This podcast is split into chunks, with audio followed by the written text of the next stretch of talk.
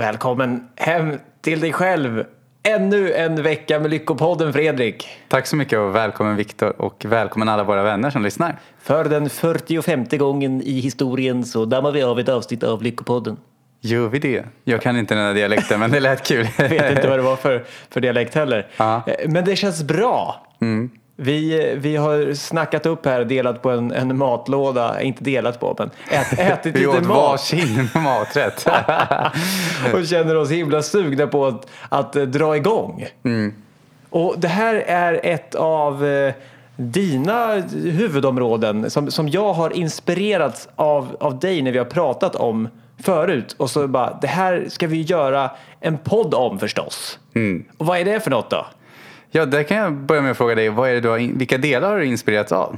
Jo, jag inspireras av dig när du testar saker. Du liksom sätter dig in i hur det skulle vara att leva på ett visst sätt, att göra någonting visst eller att ha någonting visst redan innan det har hänt. För att så få ett svar om, ja, är det här så kul, meningsfullt eller viktigt så som jag tror? Är det värt att genomföra de faktiska eh, åtagandena eller eh, åtgärderna eller vad det nu är för att nå dit. Och det här kallar du för det klockrena namnet provsmaka livsstilen. Och det, det är du en hejare på att göra. Du har provsmakat eh, livsstilen eh, massa gånger. Är det något, något exempel som du vill ta hur det här kan gå till? Ja, det jag vill säga, grundfilosofin bakom att provsmaka livsstilen det är att många springer så, alltså det, man springer så fort men man vet inte var man är på väg. Det kan vara ett exempel att du har en person, nu jämför jag som läkare, men det kan vara en person som vill bli läkare för att de vill hjälpa människor på ett visst sätt. Eh, men sen så kanske de inte vill jobba som vanliga läkare gör. Att de sitter på en reception och att det tajta tider och man kanske inte hinner lika mycket som de önskar. Titta på en, en recension, sa du det? Recept. Reception. De jobbar på ett sjukhus. Jag kanske, ja, de jobbar på ett sjukhus. Jag kanske sa recension. Jag Ja, ja. tror det.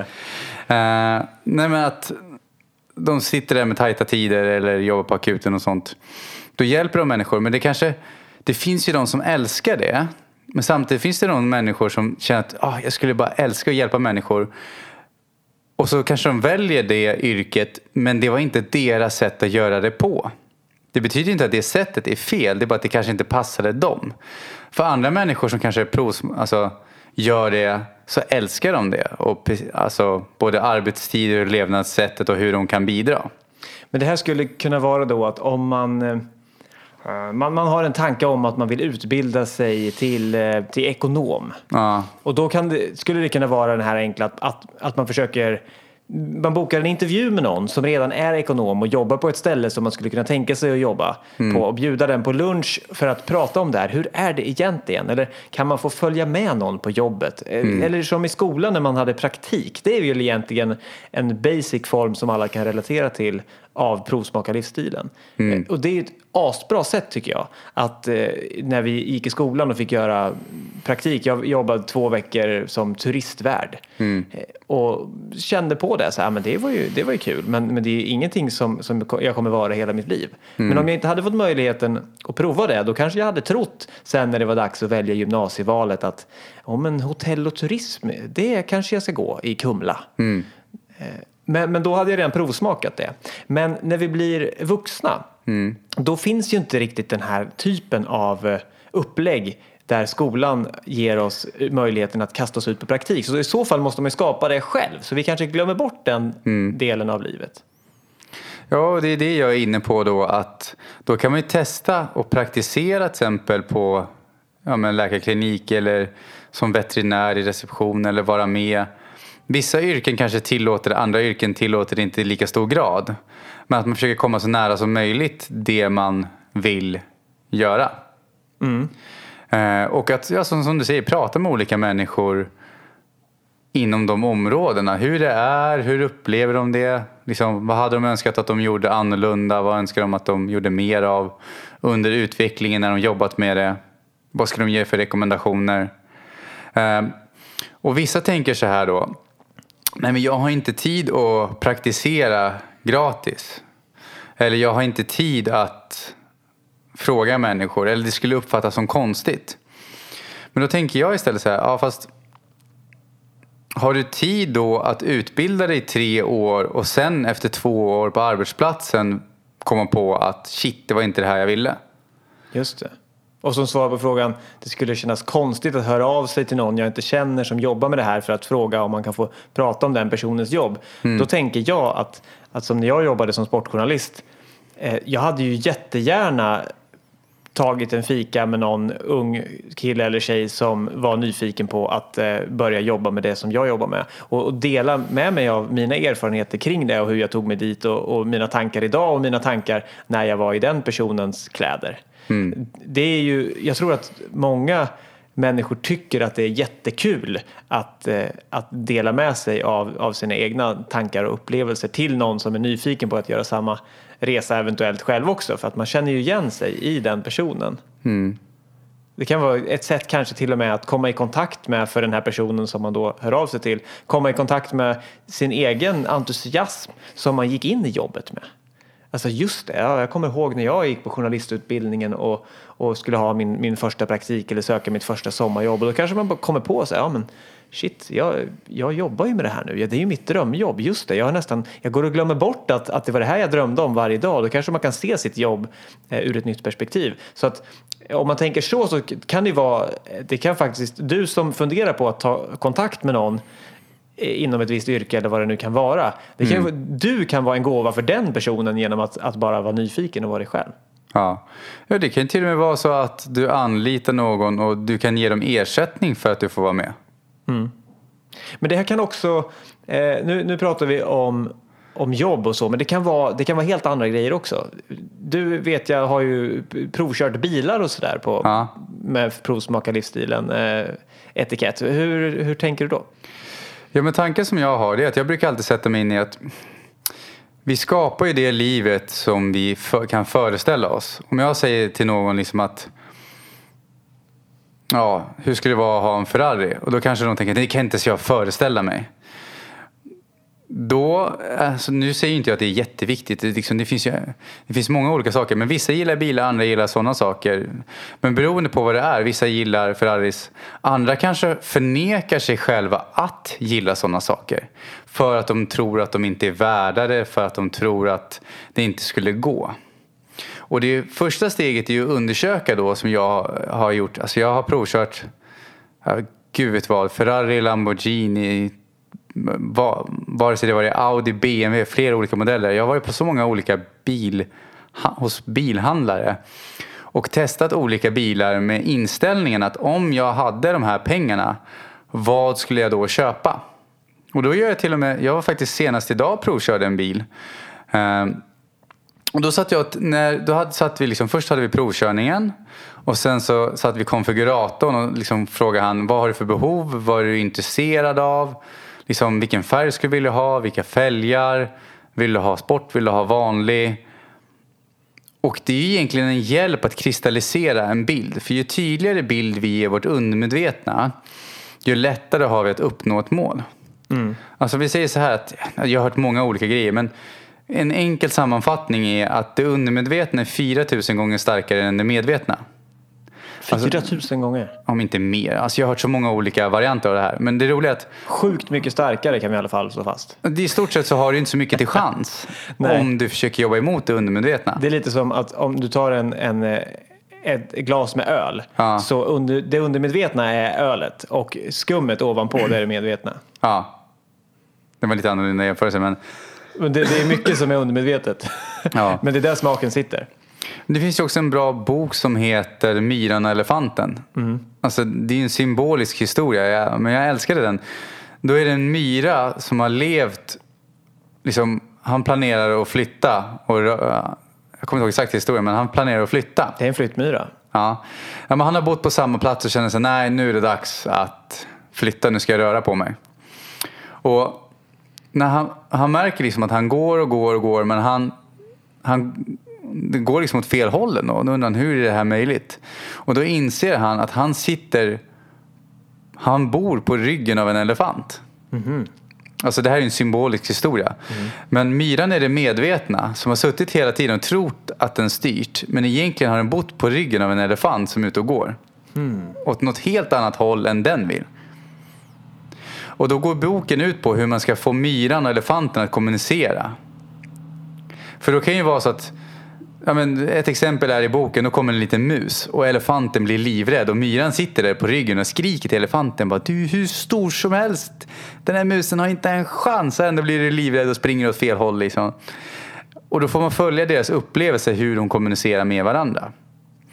Men därför vill man göra så att om du vill ha någonstans du vill eller vill skapa en förändring. Det kan till och med vara så att du inte vet. Då är det bästa sättet att gå och ta reda på det. Och det jag har gjort då är eh, som jag provkörde en Maserati idag. Jag kommer inte ihåg Levante. Ja, det är en Maserati SUV. Låter- Fin bil, Ja. Och det roliga var att jag var lite så här, ja, tänker jag som inte vet hur den ser ut. ja men den är fin. Ja. Men liksom jag tänkte mig så här, ja det är en... Jag hade inte så höga förväntningar liksom. Men sen när jag provkörde den så insåg jag att fasiken, det här var ju mycket bättre än många andra bilar jag kört. Och jag har ändå provkört ganska många nu. Att ibland kan en del av provsmaka livsstilen prova sånt som du inte ens vet om du är sugen på. För det har faktiskt varit så att många gånger av de saker jag faktiskt tyckt om så har det varit saker jag inte förväntat mig. Och många gånger har det varit saker jag trott att jag skulle tycka om som jag kommer dit och bara, ja, ja, ja, var det inte mer än så här? Ja, för att det, det som är... Det finns ju två vinster med det här då. Det ena är att man om man provsmakar lite saker som man inte vet hur det ska smaka. Man, man provar en, en ny drink på krogen liksom. Då kan man ju upptäcka att det fanns någonting som man inte visste man gillade som då blir en vinst. Och, och, så finns ju den, den andra sidan som, som är att du provsmakar någonting som du tror kommer bli viktigt för dig i livet. Men när du provsmakade så var det inget gott. Och då vet du ju det. Istället för att exempelvis då i värsta fall ha gått en lång utbildning för att sen komma ut och märka att när du börjar jobba som ekonom eller brandman eller eh, busskötare, om man nu kan vara det. För att då märka att shit, det var ju rätt kul att plugga till det här och det var kul att bo i Uppsala liksom och fick mycket fina vänner. Men när man väl är ute så är det ju bara asstressigt. Det, här, det, det är dags att, och jag bör, skulle behöva göra något annat. Och i värsta fall då så gör man inte det för man tänker att jag har investerat så mycket tid och kraft i den här utbildningen så nu får jag banne mig jobba med det. Ja, men jag vet ju att jag utbildade mig till början från, eh, från början till snickare. Och sen i slutet av utbildningen så bara, ja, det är inte det här jag vill jobba med. Och då inser jag att ta steget att, liksom att okej, men nu har jag lagt ner tre år. Och istället för att se det som att det var tre år förgäves var att jag lärde mig en väldigt stor visdom därifrån. Jag kunde inte se den direkt då, men senare kunde jag se den. Att den lärde mig vikten av att testa saker först. Det var många spikar att dra ut innan du gick vidare. Ja, jag trampade på några spikar också.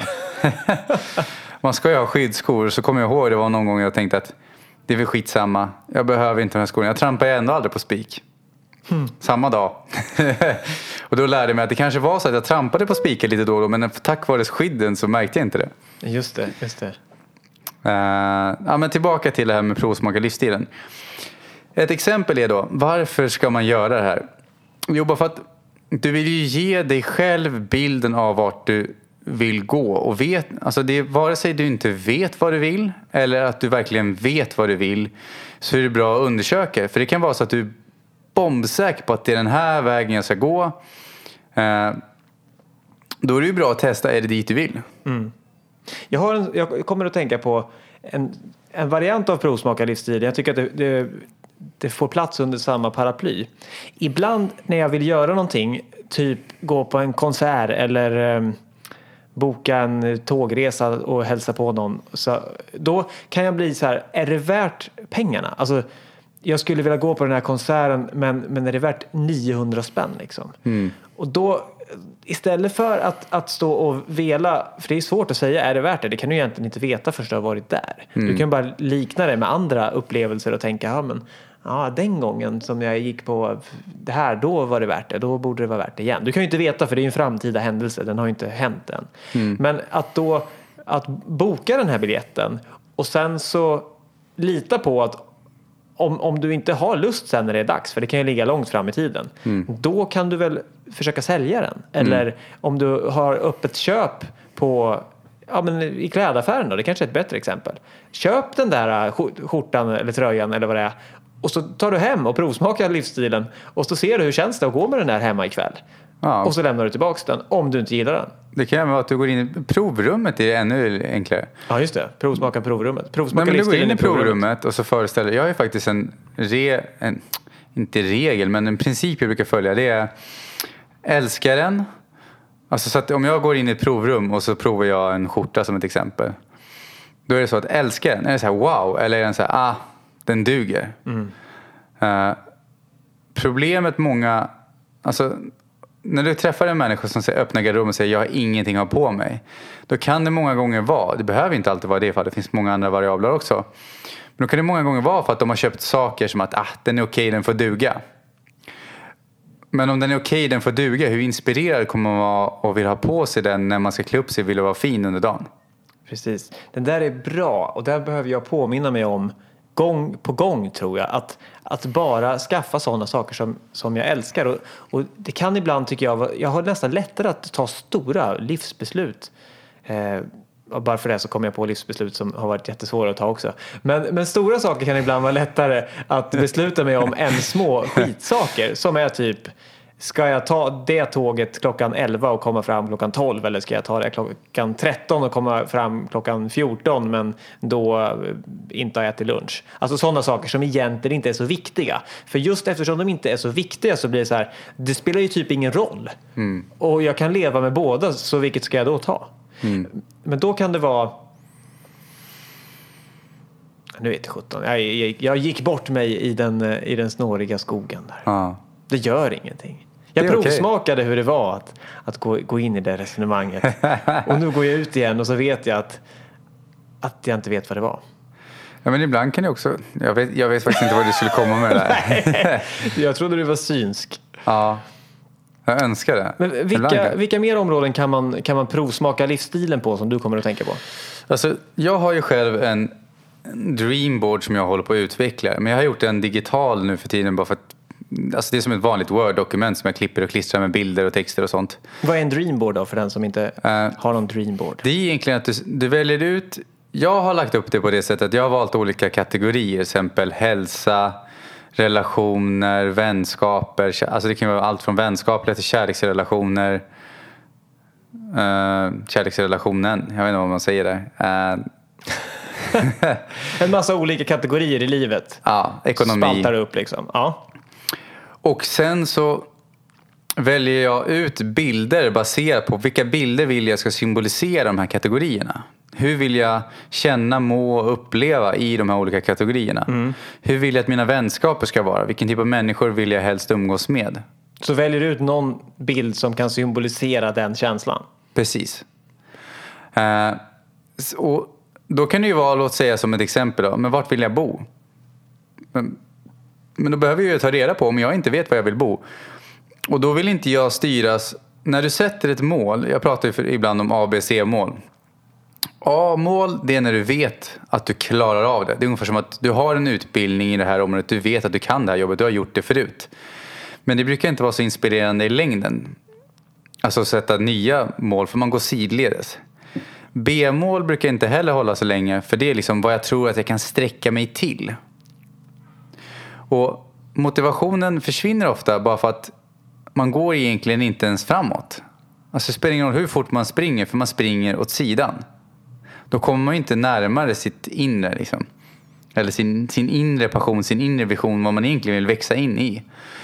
Och C-mål, det är när du inte vet. Du, alltså, du, det kan vara så att du vet, men du behöver oftast inte veta hur. Du, du vet att du vill någonstans men inte hur du ska ta dig dit va? Ja. Det kan vara som ett exempel, en bergsklättrare när han ska klättra upp för ett berg. Han vet ju inte exakt vilket grepp han kommer ta på vilken sten innan han börjar klättra. Han vet att det finns en topp och dit ska han. Ja, Eller hon. Eller hen. ja precis. Och baserat på hans erfarenhet så väljer han ju olika typer av berg. Ja. Jag vet att du pratade lite om det här om veckan också, A, B och, C-mål. Och eh, jag snappade upp det där, jag har tänkt lite på det. på, på senare tid. Och just den här glädjen i att tänka C-mål. För det tar bort så mycket krav. Att så här, jag vill dit men jag vet inte hur jag ska ta mig dit. Alltså, jag behöver inte veta hur, hur trappstegen ser ut. Jag vet bara att, att jag vill upp dit. Och då blir det mycket mer avspändhet. Och då kan jag liksom, det är som att gå på en strand och ehm, leta efter sjöstjärnor kan vi säga. Om, om jag exakt måste göra en plan för att hitta dem där, då, då kanske jag är så himla spänd för att följa den och leta på rätt ställen så att jag inte ser dem som ligger precis nedanför fötterna. Men Vi pratade om i förra, förra avsnittet om när jag åkte till Costa Rica. Och det var så många variabler som jag inte hade någon aning om förrän jag var väl på plats. Jag hade inte ens kunnat veta om dem innan. Och jag kanske inte ens hade åkt om jag visste om allting. Jag har nog en, eh, vi pratar ju om också slumpen är ingen tillfällighet. Eh, och, och där, det är ofta sådana sammanträffanden som är bättre än vad jag någonsin hade kunnat planerat. Och de har ju oftast jag visste kanske inte ens, det kanske inte ens var ett medveten målsättning utan jag kanske inte ens visste att jag önskade mig det som inträffade. Men när det väl inträffar så förstår jag att det här var bättre än allt som jag hade kunnat önska mig. Och det är också så häftigt. Men nu, nu kom vi lite ur eh, provsmaka det- livsstilen här. Men det är, lite det är bra ändå att du är inne på det här. För det jag gör är att jag försöker leta efter vilken känsla vill jag känna. Och sen försöker jag lista ut hur kan jag ge mig själv den redan idag. Eh, är det så att jag kör, alltså jag, jag gillar själv bilar, det finns man har massa, många har ju olika intressen. Vissa gillar trädgårdar, andra gillar mm, att umgås med barn, åka på semestrar, smycken. Det, alltså det, det finns även själsliga mål, hur, hur, vilken närvaro man vill känna. Jag delar upp det så du har ju ett fysiskt perspektiv, vilka saker vill du ha runt omkring dig. Sen har du ett inre perspektiv, vilka sätt, vilket sätt vill du se på världen? Och sen kan du ha ett ekonomiskt perspektiv, vilka flöden vill du ha i ditt liv? Liksom. Ehm, men låt säga att jag sätter då ett mål att, ja men jag, jag vet ju att jag var på en lägenhetsvisning häromdagen för en lägenhet som kostade, jag tror det var 40 miljoner. Bara för att, och för jag ville upptäcka vad dyker upp hos mig då. Och det skulle jag rekommendera att det roliga var att när jag började gå på lägenhetsvisningar då klarade jag knappt av att göra det. Alltså jag hade sån mental utmaning. Alltså när, nu snackar vi om, om, det ökar två miljoner mer än du har liksom, i värde. Jag klarade knappt av det. Alltså jag, det jag fick kalla, kallsvettningar, vad heter det, liksom, ja, svettningar i alla fall. Och så nervös för jag kände att det här är inte rätt, det här känns fel, vad gör jag här, jag har inte ens råd med det här. Så kände jag förut. Men det viktiga jag vill lägga till där då är att det är egentligen en reflektion från ditt inre. Att du tror inte att du klarar det. Och du, här, att man känner att här hör jag inte hemma. Ja. Och det är den här elefanten i det undermedvetna som, som eh, gör det medvetet hos dig då. Som talar om det för myran. Att nu känns det obehagligt. Ja, precis. Jag ser det som så här. Jag sätter en riktning. Alltså, jag förväntar mig att jag kommer ha inre problem som dyker upp när jag sätter ett mål. Och ge, för att jag, vet, alltså jag har lärt mig hur det undermedvetna fungerar. Och jag ser det som så att om du sätter en, en riktning, en intention, vare sig den är liten eller stor, men så länge det är en skillnad på hur du gör det idag. Det första ditt undermedvetna kommer göra är att säga så här, gud vad kul att du vill göra det här. Så jag ska hjälpa dig genom att ta upp till ytan, till ditt medvetna, allt du tror på som hindrar dig från att förverkliga det här. Och genom att jag har den attityden att men gud, titta nu fick jag syn på det här, tack. Då, får jag, då ser jag inte det som att jag får ett hinder som hindrar mig. Jag ser mer det som att jag får ett hjälpmedel att upptäcka någonting. Men det är väl det som också är skönt med just den här provsmaka livsstilen när man gör det till, till en medveten grej att man är där för att provsmaka. Ja. Då kan man ju säga, okej, jag har inte pengarna, jag kommer inte köpa en Ferrari här idag hur bra den än känns. Och då kan ju det vara ett sätt att liksom, ja men nu, nu ska jag gå in i den här klädaffären där allting kostar mycket mer än vad jag brukar handla kläder för. Men jag är här och provsmakar livsstilen. Och så om man gör det ett par gånger då kan ju den här undermedvetna känslan snart tippa över tills det inte känns konstigt att gå där längre. Och då har man liksom fått med sig elefanten. Det tycker jag är en skön grej att det blir när jag gör det medvetet att nu provsmakar jag livsstilen. så, så tar det bort en del av spänningarna och hjälper mig att liksom sakta men säkert eh, vänja mig till den eh, höga temperaturen som det är i Thailand. Mm. Istället för att som första gången jag åkte till Thailand, jag har bara varit där en gång, eh, kom ut, du vet man gick ut från flygplatsen och så bara boom, den där värmeväggen som man gick in i. Liksom. Ja. Men då skulle man kunna säga att prova, provsmaka livsstilen är att, att utsätta sig för lite i taget tills man är van vid det och bara så här, men jag skulle kunna bo här i Thailand. Och, eller jag skulle absolut kunna ha en sån här. Nu känner jag att jag känner mig hemma i den här butiken. Eller den här, eh, hos den här bilhandlaren. Och då har man ju kapat ner lite i taget bara genom ett kul experiment av det här motståndet som det undermedvetna annars säger. Du hör inte hemma här. Ja, för låt säga, många drömmer ju om att vinna på Lotto. Eh, inte alla, men det som är då är att, jag kommer inte ihåg statistiken, men det är typ 80% av de som vinner på Lotto eller mer har inom fem år gjort sig av med alla pengarna eller sitter i skulder. Och det är ju baserat på att, jag lyssnade på en intressant person som heter Marissa Peer. Hon jobbar mycket med de här, ja, men många av världens rikaste människor. Och då sa hon det att hon hade haft någon klient som vunnit, kommer inte ihåg, alltså det var fantastiska summor liksom.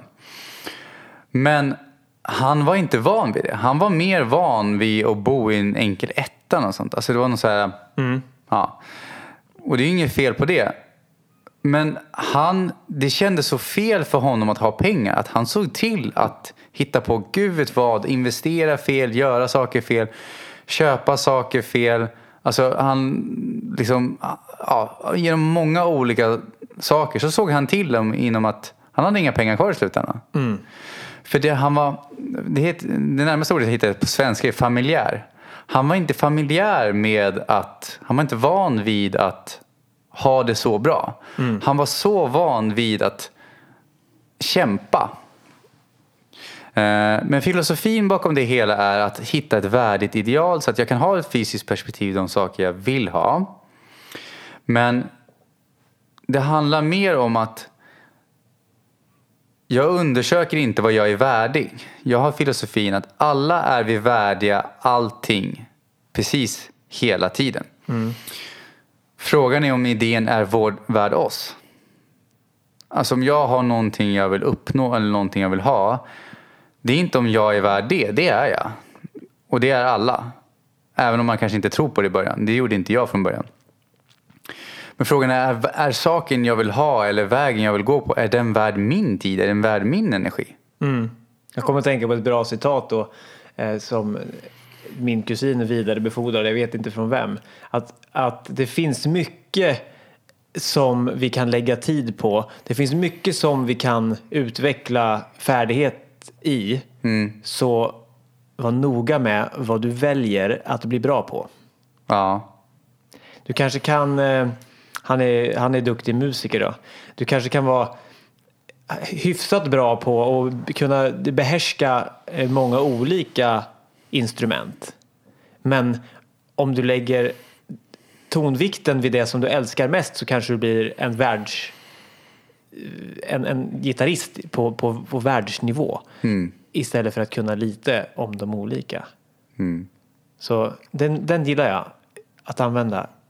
Var, var noga med vad du väljer att bli riktigt bra på. Och då, där kan ju vissa bli paralyserade och känna jag vet inte. Och det är då jag är inne på, men prova olika saker då. Alltså, att ha, att ha en rädsla för förändring och sitta kvar i jag vet inte. Det blir ju som att liksom, man deklarerar att men jag vet inte. Och då, då fastnar man ju kvar i jag vet inte.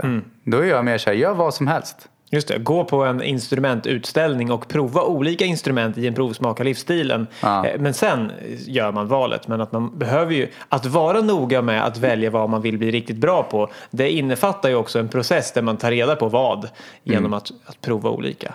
Och där också, det viktigaste att undersöka är varför du inte vill ha det. Hur menar du då? Ett, eh, kan du göra ett exempel av det? Det är flera, alltså det resan som jag har gjort för att utveckla mitt inre har ju varit i början trodde jag att det var att jag sa nej till saker för att jag inte ville ha dem. Men jag insåg ju mer jag höll på med det att jag sa nej till mycket För att jag på något plan inte trodde att jag skulle kunna klara av att hantera de sakerna. Eller att jag inte var värd de sakerna. Eller jag inte visste hur jag skulle få dem. Och då gav ju mitt undermedvetna mig en negativ känsla. Men den negativa känslan var istället undersökande. Är den här känslan negativ för att jag inte vill ha den eller är den negativ för att jag tror att jag inte klarar av att ha den? Mm. Och i de flesta fallen så har det varit så att de här negativa känslorna har kommit från att jag inte trodde jag var värd. Eller att jag inte visste hur. Kan, kan du ta något, eh, går det att dela något sånt exempel för att göra det lite mer kött och blod av det? Ja, vad ska vi ha närmaste exemplet då? Uh... Någonting som, som, du, eh, som, du, som du ville, som du inte trodde att du var värd att ha? Men det kan vara boende på fina platser. Ja. Um, att jag har varit på flera lägenhetsvisningar i början. Jag, liksom, jag var osäker på om jag visst, ville ha de här sakerna ens. Uh, för att sen inse att men varför går jag så här för? Nej, men nu är det för att jag, jag tror att jag känner mig inte hemma här. Mm. Det här är inte sant. Just det, det då, då, får jag också en, en liknelse. Det, det, bara blev så för mig. Men för några år sedan när, när ett förhållande tog slut så behövde jag ganska snabbt hitta en, en ny lägenhet. Mm. Och då var det en, en gammal jobbarkompis som hörde av sig och sa att min bror han har en lägenhet som han ska flytta ut i, en hyreslägenhet som han ska flytta ut från och, och han kan kolla med hyresvärden om du får ta över den. Mm. Och då var den det, det, här var i ett hus i Djursholm. Mm. Eh, och det är ju, om man inte känner till de områdena eller Stockholm, så Djursholm är ett av, eh, ett av Sveriges absolut mest exklusiva bostadsområden. Det finns ju förstås lite lägenheter så också, men det är framförallt ett stort villaområde och det ligger eh, nära Stockholm och ändå otroligt lugnt och avsides med, med fint vatten och sådär. Jättefint ställe. Och då kände jag lite så att Djursholm, oj, det, det, kändes, eh, det kändes oväntat. Det kändes som att ska jag bo där på ett sätt? Men jag åkte dit och eh, kollade på den här lägenheten som, som låg i en villa. De hyrde ut den. Eh, och tyckte att det här var ju, det var ju fantastiskt att bo här. Så jag hade väl i och för sig ganska lätt. Jag tyckte väl att jag var värdig. Så här, ja, men shit, jag, jag bara trillade över ett, ett väldigt fint boende. Att få bo i det här området kändes, kändes lyxigt varje dag. Liksom. Men efter att ha bott där i tre år, mm. då vet jag ju att det går. Så att eh, nu när jag inte längre bor där så kan jag känna att eh, jo men det, jag behöver inte alls, det är inte alls omöjligt att, att bo där igen och varför, varför skulle livet inte vara generös nog mot mig att kunna bo där om alla andra som bor där kan bo där. Mm. Eh, att, att jag, det här mindervärdeskomplexet möjligen då att, att bo i, i exklusiva Djursholm, nej men det, det kan väl inte vara något för mig som, som kommer från Hallsberg liksom och, mm. och flyttade från Flemingsberg innan jag, innan, som är en förort till Stockholm, innan jag kom till Djursholm. Så att, att då, liksom när man har, då kan man säga att jag provsmakade livsstilen genom att faktiskt bo där och insåg att det, det, det är människor som bor där också. Och, och det kommer jag att tänka på när du säger det här bland annat att det finns, alla är värda allting. Det finns ingenting, ingen av dina önskningar, eh, du som lyssnar, det finns ingenting som du inte är värdig att uppnå. För att vi är alla, som du säger, alla är vi värdiga att göra vad vi vill. Sen är det inte att vi måste göra det, men, men som människovärde så, så är vi värdiga att vara lyckliga. Mm. Alla är värdiga att, att vara lyckliga och nöjda. Ja. Ja, det, det kanske är dit vi, vi kanske, det är en fin avslutning på programmet eh, Provsmaka livsstilen, eller vad känner du? Ja, och jag vill lägga till då en bok. Vi har den på, eh, om du går in på Lyckopodden och så har vi en, om du håller över, ja, det finns en flik som heter Vi rekommenderar, eller om du trycker på tips och Vi rekommenderar, så finns det en bok där som vi rekommenderar av Harv Ecker som det heter The Millionaire Mind, någonting sånt. Ja, vi har länkat till honom där i alla fall. Han går igenom olika sätt hur vi får lära oss kring ekonomi och andra delar av livet, men hur det kan hindra oss från att uppnå saker. Att vi betingas i att tro att man måste bli som Krösus sork och tram, gå över lik för att uppnå saker. Och det är det som är elefanten. Om, om din elefant tror att du måste mörda folk eller gå över lik eller ljuga och utnyttja och skövla regnskog och gud vet vad för att kunna uppnå din dröm. då kommer det ju inte ske. För det undermedvetna har ju sån kraft. Men då gäller det att ta upp, sätta en intention så man får upp det till ytan. Och det är bra att använda böcker som det där. För att se vad är det som ligger och skvalpar i mitt undermedvetna som hindrar mig från att göra de här sakerna. Och det här gäller ju att, låt säga att du, det här nu har ju varit inriktat på ekonomi en del men det här är även om du attraheras av människor, låt säga så här att om du attraheras av eh, människor som är kriminella, håller på med droger, alkohol, missbruk, misshandel, sådana saker. Men du vill inte göra det. Då är det förmodligen elefanten som lockas av de grejerna för det finns en resonans där hos dig. Mm. Som gör att man blir, när du träffar någon som blir alltid kär i fel personer. Eller som de känner det.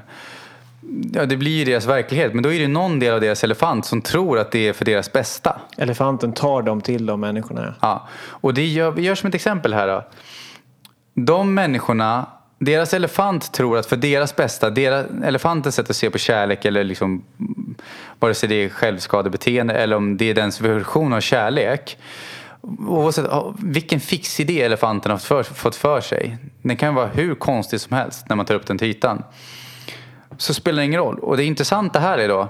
Vill du att din elefant lockas av människor som är i, liksom, lever som du inte vill? Eller vill du bli kär i människor som kanske lever ett liv där de är hälsosamma, de tar hand om sig själva, de tränar och alla de här sakerna. Vem vill du attraheras av? Det här är också ett exempel då. På samma sätt som det kan avgöra vilken partner du blir kär i så kan det också avgöra vilken bil du tycker om, vilket hus du vill ha, vilket område du, område du vill bo i, hur väl du tar hand om din hälsa, ditt mål av vad du väljer att äta. Alla de här grejerna avgörs undermedvetet. Mm. Vi kan påverka de medvetna genom tekniker så vi kommer åt det undermedvetna. Och det kan man göra genom att gå till oss som eh, coacher. Vi coachar ju det här. Och du kan även gå in, jag gillar ju, vi har ju fått ett samarbete med Nextory. Där har vi Anna-Lena Mellblom eh, som jag känner. Hon har ju gjort flera självhypnoser inom det här området. Det, alltså hon går igenom hur man kan varva ner och så får man bara följa hennes röst. Typ guidad meditation. Ja, liknande guidad meditation. Och det kan du göra. Du kan få prova det gratis i 30 dagar. Det har vi genom ett erbjudande med Nextory.